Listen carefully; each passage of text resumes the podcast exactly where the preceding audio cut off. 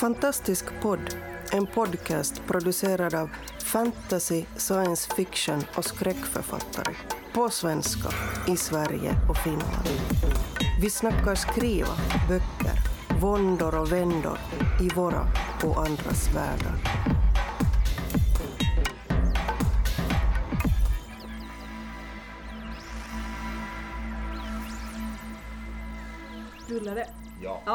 Eh, hej och välkomna till Västkustgruppens poddavsnitt där vi kommer prata om platser och platsinspiration. Runt bordet har vi i klockans riktning eh, Fredrik, Marcus, Susanna, Susanna, Paul och Liv. Japp. Det låter, det låter kanske inte som att det är någon annan här. Eh, Ska vi säga vilken klockvisare vi har när vi pratar också sen? Så folk ser det framför sig. Ja, jag tänker eh, minutvisare. Mm. Platser. Och eh, platser som inspirerar oss. Är det någon här som har en särskild plats som eh, dyker upp ofta? Jag tittar på Paul. Ja, jag har ju en, en plats som dyker upp ofta och mycket och det är ett ställe som heter Andersgården där jag jobbade. Och det var ett boende för väldigt slitet för eh, hemlösa då. Så det var en massa missbrukare och psykfall och eh, ja, småkriminella och sånt där. Eh, det var inte bara de som bodde där utan det var ju massa gäster som kom dit och hade saker för sig. De langade och de gjorde affärer. Och det var allt möjligt sånt skumrask eh, tillvaro där. Så den har inspirerat mig väldigt mycket, bland annat till Lundbygården som förekommer i både i Borde vara död och i Dödfödd. Det snarlika namnet är i princip antyder att det är en ren plagering av huset och allting och, och det är det också. ja. Så kan vi börja där, så smått. Vad är det i det som gör att du återvänder till det? Eller att det liksom är en sån viktig... Ja, men det var ju där jag liksom verkligen fick liksom inst- insteg i den här hemlöshetsvärlden som är Mm. väldigt speciell och så. Den är ju nästan som lite som en egen värld som är parallellt så... ja, eh, ja, så man stöter på alla möjliga konstiga personer där och man är med om massa konstiga saker liksom. Man kom dit på morgonen, då står någon typ och, liksom och sågar i ett staket med en liten såg. Ja, det är bättre att såga i ett staket än att såga någon annanstans. Jaha, säger man då. Sopgubbarna kommer och säger ja men det är kriminella sopor i sop, eh, soprummet. Jaha, vadå? Ja, men det är massa som är, som är nya grejer som ni måste stå vakt ungefär. Nej, det kan vi inte göra. Eh, Det var till exempel Viktor som förekommer i eh, Dödfödd, en av huvudpersonerna. Han grundar sig i att det var en eh, snubbe som var med i Red and White Crew som Mhm. är så här eh, vad heter det nu? Supporter. Supportergäng till Hells Angels. Så han bodde på, på Andersgården. Eh, och det, de brukar väl ta hand om sina bättre vad jag förstår. Så jag undrar, jag träffade honom flera gånger och han var ju väldigt städad och trevlig och sådär. Så men jag undrade ju vad, vad, gör han, vad gör han där egentligen? Så eh, de funderingarna har jag tagit med mig liksom in i Dödfödd och liksom luskat ut hur det, vad som verkligen hände. Så. Sen har jag maskerat det till, till, att det handlar om supportergänget Ulvhedarna som är supportergäng till eh, Jägarens hundar, men det är en annan sak. Ja, lite så. Platsens inspiration. Mm. Ja, det låter onekligen som det är många tyckt, har du tyckt att det har varit svårt att fånga det så att eh, man liksom man får samma känsla som du har. Att du tänker, det är ju inte bara om personer och det som händer utan liksom själva miljön och så. Att det, alla har ju liksom en egen känsla och stämning och så. Ja, jag tycker nog, alltså när jag har läst eh, vad folk har skrivit om. Mm. Jag tycker jag har fångat det hyfsat sådär. Ja. Och jag lyfter ju fram vissa saker liksom. Jag renodlar lite. Har jag sett något smutsigt och trasigt och sånt så lägger jag ju in det liksom. Ja, och, och så. Och det var ju Ja. mycket smutsigt och Ja, trasigt precis. på alla möjliga nivåer där så. Men Ja. de, de flesta eh, verkar fatta det liksom. Och de tycker att jag går för långt lite ibland och det är ju bra. Ja. Då har det ju, lyckats Mm, ja, kan jag tycka. Ja. Ja. Mm. Det låter som en miljö med brokiga karaktärer i alla fall. Ja, mm, Mm. absolut. Det är ju nedlagt nu då. Det var ju oerhört slitet också. Det var toalett på Svalen och så var det duschar i källaren. Sådär. Mm. Så, ja. Ja, just det. Vaktmästaren hade hela tiden saker att göra. Mm, Fredrik, Ja, jag, jag, tycker såg det, på dig att du var på väg in. Jag tycker det är dags för en dam så jag säger bollar tillbaks den till Susanna. Ja, yes! Eh, ja, eh, jag bara lägger upp för mig själv. Eh, hav, säger jag. Eh, särskilt eh, Kattegatt och Falkenberg, miljöerna där, går jag igång på. Mm. Jag, jag gillar ju så här eh, halvdränka folk. Låter jättehemskt men Vad, vad grundas det i? Tror du? Eh, jag vet inte, det är väl något trauma i något tidigare liv. Kanske. Nej men jag, jag gillar ju havsdoft väldigt mycket. Det är en av fördelarna med Göteborg. Om någon funderar på att flytta hit. Eh, hav, havsluften som man kan få eh, till och med inne i stan. Jag gillar det. Eh, Vad är det du gillar med just eh, Falkenberg? Alltså jag, jag har en väldigt jättesplittrad eh, splittrad relation till Falkenberg. För vi har ju släkt där och det är väldigt tacksamt att skriva just eh, skräck, skräckdeckare i den miljön.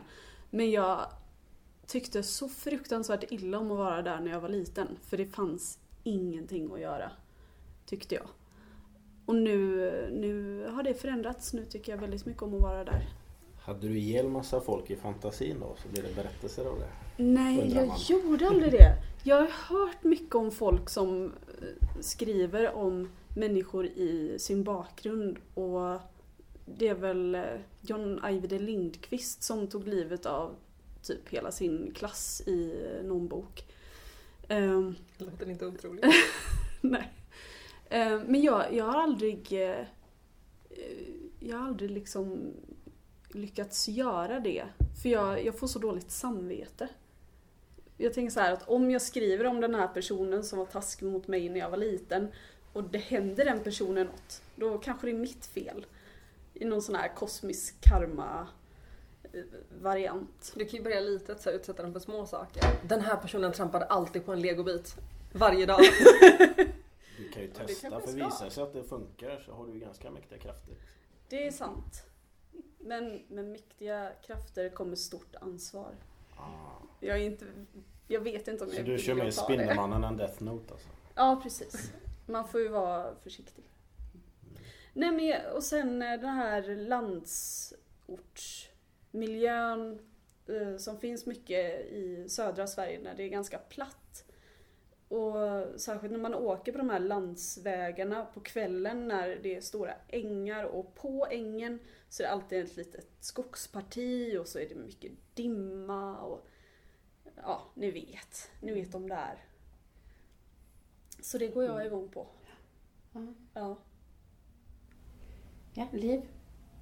Ehm, jag tror att jag blir kort och eh, koncis och säger att jag skriver nästan alltid om inomhus. Så Ja. att de flesta av mina grejer utspelar sig i typ... Nu måste jag tänka vad jag har skrivit. Men alltså jag gillar ju att stänga in folk i sina hem.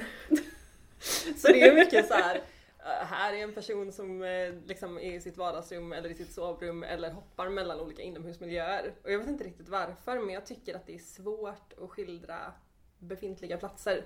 Jag får typ prestationsångest och så vill jag göra dem jätterättvisa. Mm. Och säga såhär, nej det där trädet står liksom precis tre steg från trappen. Men jag vill inte skriva ut det. Eh, Så jag håller på att träna på att beskriva plats, platser. Mm. Men jag tycker att det är jättesvårt och typ varenda gång som jag måste lämna hemmet och vara utomhus. Eh, I den senaste novellen jag skrev så har jag med ett, eh, en bakgård med träd. Och jag tycker att det är jättesvårt så fort man är ute för att det är så mycket att ta in. Det är så här, du har en himmel och du har en gräsmatta och du har vart ligger närmsta hus? Hur isolerat är det? Så här, jag tycker att det är jätte, jätte, jättesvårt. Mm. Eh, så hittills har jag bara en pågående grej som inte är publicerad än. Där jag försöker att skriva om en stuga i Norrland som är som min sommarstuga i Norrland som min släkt har. Men det är jättesvårt. Så jag, jag jobbar på det. Mm. Ja, men det, jag kan tycka att folk ofta, särskilt i våra genrer, att det ofta blir för mycket beskrivning. Mm, absolut. Och, och då tänker jag särskilt på George R. R. Martin som beskriver allting. Det finns inte en knapp som han inte har gått igenom eller ett tyg som vi inte vet hur det är gjort nästan. Um, medans i särskilt deckargenren, då är det så här, ja men vi, det enda vi beskriver är det som är viktigt Mm. för handlingen. Men det är också så här om du vill skriva om ett befintligt ställe. Mm. Eh, jag vill beskriva en fontän på Järntorget. Och då vill jag ju säga det så att om du har varit på Järntorget så behöver du inte höra hur det ser ut på Järntorget. Och jag gillar ju inte heller att beskriva saker i exakt så här såg det ut utan mer det här är känslan du får när du är på det här stället. Men jag vill också att jag beskriver det så att om du aldrig har varit på Järntorget och Mm. läser min novell och sen åker till Järntorget Mm. så är det fortfarande så här. Aha, den här platsen var det. Mm. Så jag tycker att det är, jag tycker att det är jätte, vilka detaljer är viktiga? Vad tittar folk på? Och det är också svårt för att vissa tittar högt och tittar på byggnaders tak och grejer Mm. när de är ute och går och andra kollar bara på marken. Mm. Så ja. Men jag hörde en klok grej angående det. Apropå det, att det där är ofta lite grann styrt av karaktären snarare än läsaren. Mm. För att om, om karaktären är en person som typiskt sett skulle titta på tak, då kommer ju den karaktären när man så att säga ser saker och ting ur, ur dess synvinkel, att notera taken snarare än kanske Mm. fontäner eller vad det nu Mm, kan vara. mm. Och tvärtom med någon annan karaktär som, som noterar andra saker. Mm. Det Jag finns en jättebra skrivövning för det som man... eh, Men eh, det är egentligen ingen poäng att berätta hela men... För då, man, men, men man- ska berätta, man, man ska beskriva eh, en person som kommer, man ska skriva om en person som kommer till en liten eh, skogskärn Mm. i en skog och sätter sig och tittar på kärnet. Och så ska man beskriva det den personen ser. Eh, sen så ska du skriva om hela scenen. Jo, och den personen är precis nyförälskad. Så då ska du, det är det du vet om personen och så hur den, hur den upplever och vad den ser. Sen skriver du samma scen igen. Det kommer en person, sätter sig vid skogskärn, samma skogskärn och tittar på det. Men den personen har precis mördat någon. Just det. Så då blir det automatiskt en skillnad i, i, i beskrivningen. För, för alltså det, blir ju små, det kan ju vara små detaljer som gör det, men alltså tonen Mm. blir ju helt... Men sen finns det en bok som jag tänker på, motsatsen då till att beskriva allting då. Mm. Eh, Det är ju, jag läste precis eh, Coraline av Neil Gaiman. Mm. Jag hade inte läst den på länge. Men det jag tänkte på var hur skickligt han beskrev de här olika miljöerna med väldigt lite egentligen. Men man hänger med och man förstår vad som... För sen såg jag filmen och tänkte så, nej men det där, så såg det inte alls ut. Så jag hade fått en väldigt tydlig bild av, av vad han menade fast med väldigt små medel. Och då tänkte jag så det där ska jag kolla verkligen. Vad, hur, vad, vad är det han gör? För att, Så det kan ju vara ett tips, alltså titta på någon som gör det bra. Och sen liksom börja kolla, men vad använder de? Vad är det som Ja, de gör? För det är Så- det att författarna jag läser mest just nu beskriver inte miljön så mycket. Nej, de tycker inte att det är så intressant. Utan det är så här, ja men jag är i ett rum men sen är det typ det stinker av det här eller det liksom. Mm. Men jag reflekterade över det för att jag var på Sahlgrenskas akut häromdagen. Och då fick jag ligga i en brits några timmar för att det var inte en så akut grej jag åkte in med. Och då tänkte jag just på det att så här, den här lokalen uppfattas så extremt olika eh, av alla som är här. För att vi har folk som jobbar här som är här hela tiden och ser det här liksom jämt och har rutiner och sen har vi kanske någon som har en dålig dag och inte vill vara där. Som jag hörde två personaler prata om att den tredje brukade gå iväg när hon var stressad. Mm. Eh, och sen så har man folk som kommer hit för att träffa en anhörig och då är korridoren antagligen jättelång när de ska gå där. Så att då blir jag sugen på att göra någon sorts så här djupintervjua människor som jobbar eh, och människor som besöker en plats. Och sen skriva någonting runt det. Mm. Eh, Marcus? Ja, Jag lämnar över till dig lite diskret. Jag är dålig på segways. Ja, precis. Snygg segway. Tack. Magnus, det är din. apropå sjukhusfall. Eh, eh, skogen är väldigt viktig för mig. Mm. Eftersom jag har lantis förmodligen. Eh, Den har särskilt eh, redan från barnsben så gick jag ut i skogen och fantiserade och hittade på mina små äventyr där liksom och lekte med mina småbröder och hade berättelser för dem. Så det, det har ju de berättat nu när jag blivit äldre och liksom kommit ut som författare. Då, att Mm. de minns ju de här lekarna och tyckte det var jättekul när jag hittade på sånt där. Eh, Ska man prata om min fantasyserie Serahi Saporium så är det svårt att kanske göra platsresearch så eftersom det är en påhittad värld men man kan ju däremot bli inspirerad av miljöer då. Och jag, jag har sån tur att min sambo hon gillar också gamla stenkåkar och sånt där. Ruiner och borgar och så vi åker på lite sånt och turnerspel och Mm. super in medeltida miljöer kan man säga. Men nu, jag har ju även ett nytt projekt då jag, som jag kallar Fantastikhjälpen. Och det är ett eh, välgörenhetsprojekt. Vi ska samla in pengar till Läkare Utan Gränser och för det projektet då så skriver jag en bok som utspelar sig runt Trollhättan och Vänersborg. Och då blir det plötsligt väldigt mycket platsresearch. Mm. Och då har jag så nära till det för jag bor ju, så jag ser ju Hunneberg från mitt hus. Mm. Så varje dag jag kör till jobbet kör jag förbi där liksom och tänker på böckerna. Och Mm. Det är nästan svårt att inte tänka på dem. Då går jag runt massor och eh, det är väldigt kul att göra research. Folk blir ju nyfikna och tycker det är hur skoj som helst. Man får knalla in var som helst. Jag var inne på Villa Stranna. Utan Fredrik känner väl till det Jo, kanske? jag är, jag är ju Som, som. Trollhättebo. Så, och- Exil-Trollhättebo. Ja, just, just då. Det har ju varit många saker där. Bibliotek tror jag från början. Eller något sånt. Eller kanske Mm. inte från början men det har, det har varit bibliotek. Och Studentkår när, har när jag gick på högskolan eh, på slutet av 90-talet då var det ju kårhus. Mm. Och sen vet jag inte vad det varit för nu när jag var där och gjorde research för något år sedan då var det en vego-restaurang. Ja, jag har varit på knattedisco där när jag Ja. tyckte i lågstadiet. Så jag, jag knallade bara in och sa hej jag skriver på en bok liksom. Jag vill bara titta om det ser ut som jag minns det och det gjorde det inte riktigt. Nej. Helst vill jag ner i källaren för det hade betydelse för boken då. Intressant hur mycket man kommer undan med som författare. Ja. Jag, jag fick en hel tour av eh, både en skola i Falkenberg och eh, polishuset. Som där mina karaktärer jobbar. Men man, man får reda på så mycket. Och man får... Alltså det, folk vill ju så gärna berätta om sina platser också. Ja. Eller sina yrken eller så. Nej, Folk, eh, jag har inte stött på någon som inte vill hjälpa till. Nej, eller hur? Det finns, eh, det finns en ö i, i kanalen i Trollhättan som heter Slottsön. Och det har legat ett slott där fast nu finns det inte någonting.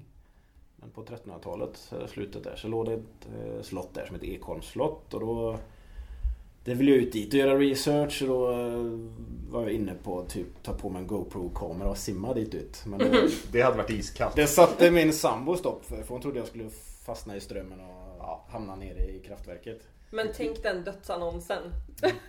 Ja, tänk vilka Dog bilder. för sin konst med GoPro-kamera på Ja. huvudet. Ja. Så svärmor hon letade upp en farbror där som hade en båt istället som Okej. körde ut mig dit. Det var jättetrevligt.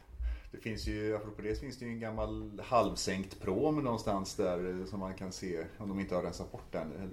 Det fanns i alla fall förr om man tittar ut från bron man åker över när man kör till Vänersborg. Så låg det en, ett par halvsänkta träpråmar eh, någonstans där, i, inte jättelångt ifrån eh, Det den ön. sticker upp någonting där. Kanske är det Ja, då. det, det är nog inte mycket kvar för Nej. det var ju ganska länge sedan jag bodde i Trollhättan. Men jag, jag minns dem och brukar spana efter dem varje gång jag åker förbi. Mm. Susanna. Ja.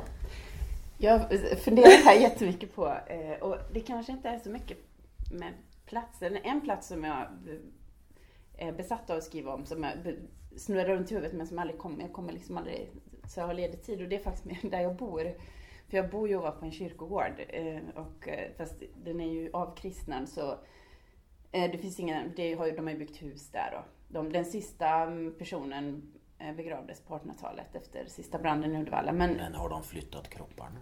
Nej, de ligger ju kvar så att jag, vi får ju inte gräva och så här. För att väldigt ofta när man på våren när man gräver så får man ju upp små ben och så här. Och, och, och så.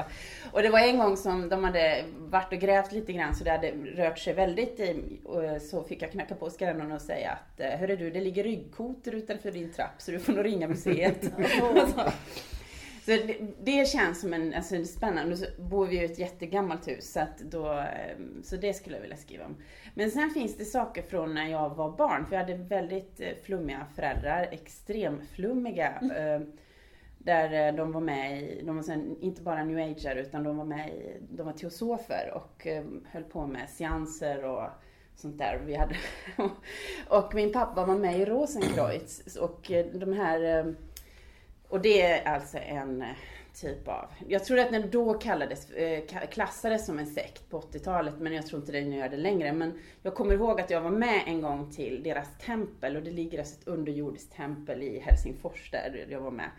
Som var, och, och den tror jag liksom spökar kvar och den här idén om liksom att ens för- föräldrar som man tar på väldigt stort allvar ändå när man är barn. Då att de tror på alla de här kusliga grejerna som att man liksom med spiritism och så. Så jag tror att mer det som spökar än, än själva platser tror jag. Utan det är den här känslan av en sorts mm, bisarr flummighet som, som överhuvudtaget. Som den, det går nog i, i allting som jag skriver, mer än bara plats. Det var väl någon slags ritualmagiker. Ja, ja, ja. förut säger. ja. Så att, eh. Ska jag kombinera det med din trädgård där då? Ja, Ja, precis. Ja, men gud, jag säger det. Men alltså min pappa höll ju på med sånt där som folk ringde till honom och skulle liksom prata om sina dö- döda släktingar och då kunde han ju sitta och liksom prata med dem och så här. ehm, tala om hur de hade dött och det var, alltså, det var ju jätteflummigt. Alltså, så att det jag liksom, älskar det här, jag älskar det. men, och det är väldigt roligt nu men det kanske inte var så himla kul när man var tonåring och fick skämmas. För att ens, men, eh, men att, så jag tror att just den här liksom, den här, em, alla de här gamla böckerna som mina föräldrar hade som luktar damm och som Mm. och sen, alltså, det är liksom mer en sån allmän strömning i allt som man skriver. Det låter ju helt fantastiskt. Ja. Ja. ja, det kanske det är, men ja. Det, Men det kan vara en sån sak som är mer intressant för oss utifrån. Ja, precis. av dig än för dig Ja, än att liksom, ja precis. Men det, men det var, men jag kan verkligen skratta åt det nu när man liksom tänker tillbaks på hur, hur flummigt det var liksom, till vilken nivå Mm. de hade tagit det. Så att det var, men eh, det är ju väldigt roligt. Och det tror jag går liksom hela tiden. mm, Och de här, alltså den här sorts jag vet att min pappa hade en tendens att gå, när vi eh, gick till såna här gamla ruiner och så, då ställde han sig, och nu kan ju inte folk se det men jag kan visa för er som är närvarande. Han ställde sig och, han ställ, brukade ställa sig och så tog han handflatorna försiktigt mot stenväggarna och så blundade han högtidligt och så suckade. Hmm. Och särskilt om vi var typ på något kloster eller kyrka så här, jag känner en helighet, en stillsam helighet. Och det var ju också alltid väldigt förvånande Ja. grejer han kom med. Men det var lite, lite kul så att det var en sån här ehm, och det tror jag, jag tänker på varje gång jag går till en sån här så jag har alltid lust att liksom ställa mig. men det, det, Sucka är, lite. Ja, det är något av det roligaste jag vet nu för tiden. Att följa med mina föräldrar på, ut på så här eh, fornminnes eh, Mm. tours. Mm. Alltså ta en karta med fornminnen och sen bara åka vid de här platserna. För min, min faster hon, hon är väldigt spirituell av sig. Och min mormor hon var väl inte så spirituell men hon Ibland så kunde hon bara så här stanna upp och bara Nej. Nej det här känns inte bra. Och så gick hon tillbaks till bilen. Och det, åh, Ja. det, jag älskar sånt. Ja, men det jag kan tycka ändå att det var det, att pappas roliga sätt att göra det på. Att han Mm. liksom, men det gav alltid en känsla av att en plats var mer än en plats. Mm. Alltså det var inte bara det vi såg utan Även om det, det liksom var lite lustigt sätt han hade att göra det på, men det var ändå den här känslan att man kan kommunicera med alla platser. Eller att det finns, att det finns en historia som, som fortsätter och som finns parallellt. Och det tror jag mer är liksom en... Att, att, eh, att det hör, och det tycker jag, det kan jag väl känna mig tacksam för nu. Mm. Alltså det är just den här känslan att man, det är inte bara, det är bara, det är inte bara en stenhög utan det kan verkligen vara liksom Sen kanske man inte har möjlighet att kommunicera med det men, men att det ger en, en dimension liksom. Fast då tycker jag att det känns mycket överlag att så här, även om eh, man inte tror på spiritu- spiritualitet så kan man ju komma in på en plats man aldrig har varit förut och vara ensam. Mm. Och så kan man ganska sp- spontant känna, tycker jag om att vara här, tycker jag inte om att vara här? Absolut. Vill jag gå? Vill jag stanna? Om man bara liksom försöker att vara i platsen.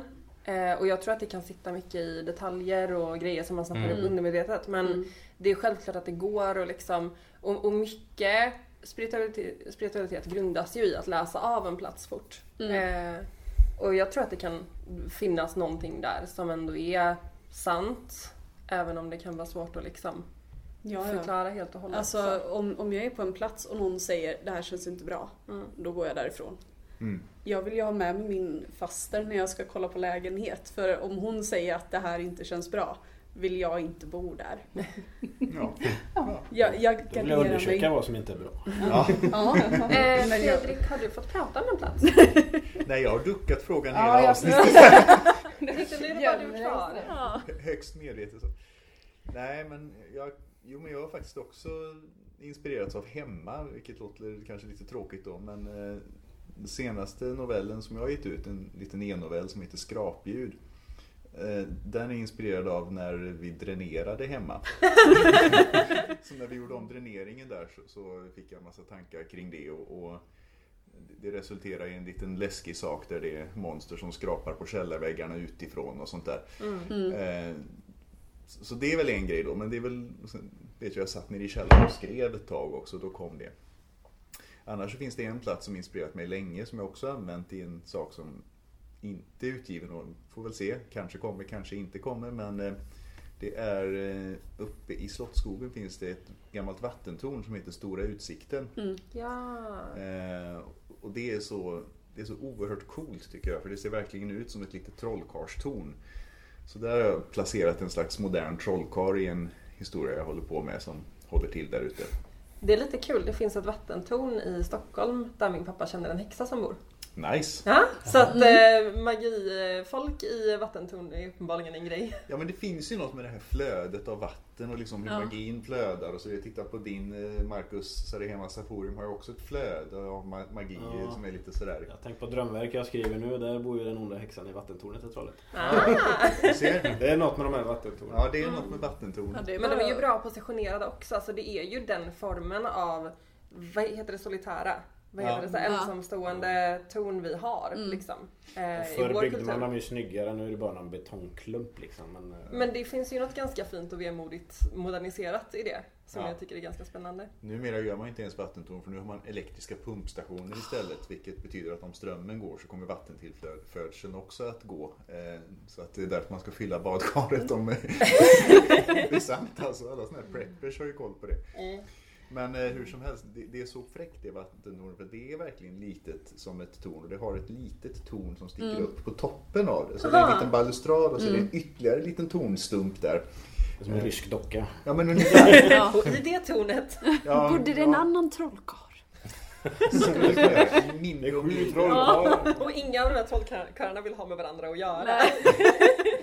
Ja, någonting i den stilen. Ja men är det inte uppe vid Guldheden, där kan ni googla på hemma.